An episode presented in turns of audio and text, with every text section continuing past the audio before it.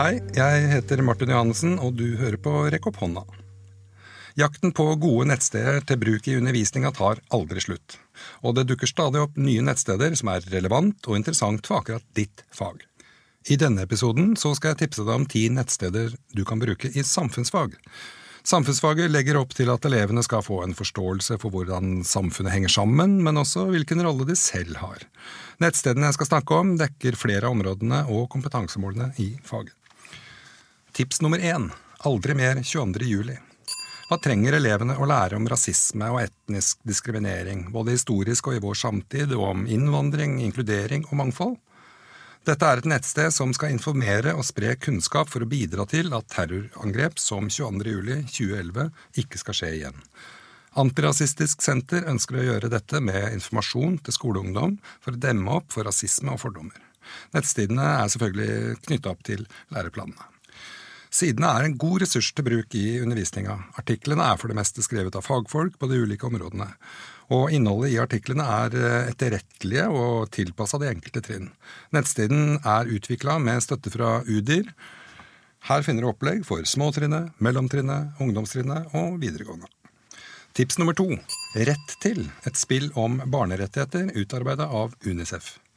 Rett til foregår i en liten norsk by der flere av personene er elever i syvende klasse. Både på og utafor skolen så oppstår det små konflikter som kan bryte med artikler i Barnekonvensjonen. I Rett til er det ingen fasitsvar, man må selv ta stilling til hva som er rett eller galt. Opplegget skal gjøre elevene mer bevisst på rettighetene sine i Barnekonvensjonen og når disse brytes. I spillet så følger vi da ulike personer gjennom situasjoner i hverdagen og ser på hvordan de opplever den samme hendelsen på forskjellige måter. Tips nummer tre NUPI skole. Norsk utenrikspolitisk institutt, NUPI, er et uh, ledende miljø for forskning på internasjonale spørsmål innen områder av, uh, som er særlig relevant for norsk utenrikspolitikk. NUPI skole inneholder gode undervisningsopplegg med nyttig informasjon om internasjonale spørsmål. Opplegget er retta mot elever og studenter, lærere og andre som måtte interessere seg for dette. Og NUPI skole henger også sammen uh, tett med nettstedet Hvor hender det?, som består av en rekke tilbud til elever og lærere og studenter, uh, som du kan bruke til diskusjon i klasserommet eller som oppgaver. Nummer fire antisemittisme før og nå. Jødisk museum i Oslo har uh, laget denne nettressursen om antisemittisme, som heter Antisemittisme før og nå. Opplegget er utvikla for elever uh, og lærere på ungdomstrinnet og i videregående skole. Nettressursen gir innsikt i hva antisemittisme er, hvor den kommer fra og hvordan den har endret seg gjennom historien. I tillegg så viser den hvorfor kunnskap om antisemittisme fremdeles er aktuelt og viktig. Antisemittisme er et stort og komplekst tema. Det kan være vanskelig å forstå og finne gode og pålitelige tekster, men med dette opplegget så finner du garantert sikker informasjon. Nummer fem FNs bærekraftsmål fra FN-sambandet. FNs 17 eh, bærekraftsmål er jo verdens felles arbeidsplan for å utrydde fattigdom, bekjempe ulikhet og stoppe klimaendringene innen 2030. Og FN-sambandet har laget en nettside med all den informasjonen du trenger i klasserommet. Et av hovedprinsippene i bærekraftsmålene er at ingen skal utelates. De mest sårbare menneskene må derfor prioriteres. Ekskluderte grupper som mennesker med nedsatt funksjonsevne, flyktninger, etniske og religiøse minoriteter, jenter og urfolk er høyt representert blant de som fortsatt lever i fattigdom. Her finner du opplegg og tekster for hele skoleløpet fra første klasse til tredje videregående. Tips nummer seks Dembra Skoleprosjektet Demokratisk beredskap mot rasisme og antisemittisme, Dembra altså, bidrar i ungdomsskolers og videregående skolers arbeid med å forebygge antisemittisme, rasisme, radikalisering og udemokratiske holdninger. De tilbyr kompetanseutvikling for skoler til støtte i forebygging. Men på disse sidene så finner du også åpne læringsressurser med undervisningsopplegg, bakgrunnsstoff og tips til fordypning for hele skoleløpet. Du kan sortere oppleggene etter trinn, fag og tverrfaglige temaer. Dembra har også et eh, tilbud retta mot skoler og lærerutdanninger. Nesten 100 skoler har deltatt i Dembra, og nærmere 3000 har fått opplæring. 72 lærerutdannere ved 11 lærerutdanningsinstitusjoner har også deltatt i Dembra for lærerutdanningen, og min arbeidsplass, Nyskolen i Oslo, ble en Dembra-skole dette skoleåret. Nummer syv Vitneprosjektet 22. juli på nært hold. Vitneprosjektet er et uh, undervisningstilbud hvor elever møter mennesker som på ulike måter opplevde 22.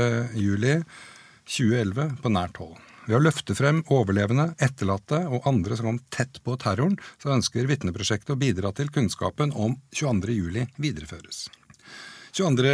juli-senteret ønsker gjennom Vitneprosjektet å være en arena hvor de personlige historiene kan fortelles i et trygt rom og settes inn i en større sammenheng.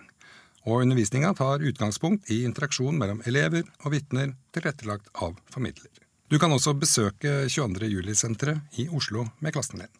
Nummer åtte Barn på flukt, et opplegg fra Unicef. Barn på flukt er et uh, undervisningsopplegg som er egnet for elever på mellomtrinnet, og setter et aktuelt og brennbart tema på timeplanen. Opplegget er knytta opp til flere kompetansekrav i samfunnsfag, norsk, KRLE, matematikk og kunst og egner seg godt som et utgangspunkt for et tverrfaglig prosjektarbeid.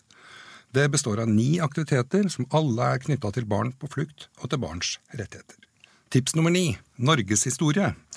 Norgeshistorie.no forteller om Norges historie fra steinalderen til i dag. Her finner du over 600 forskningsbaserte artikler, skrevet av mer enn 100 historikere, arkeologer og andre fagfolk. Du kan fordype deg i vikingtid og oljealder, fortidige klimakriser, sensur på 1700-tallet og bilkjøring etter krigen.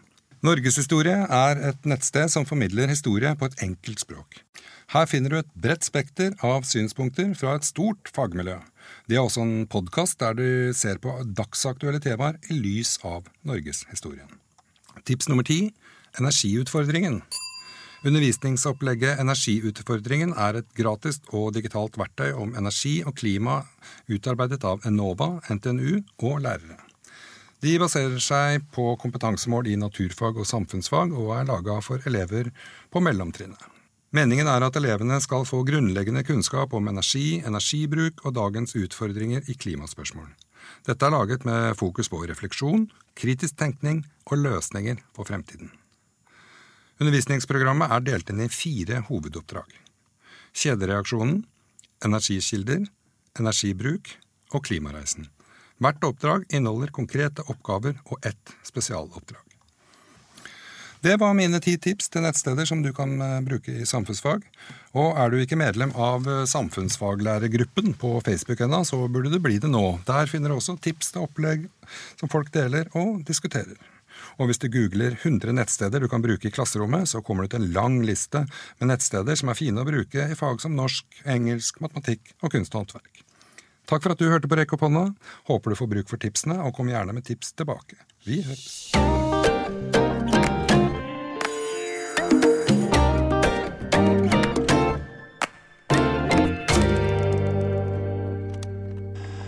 Produsert av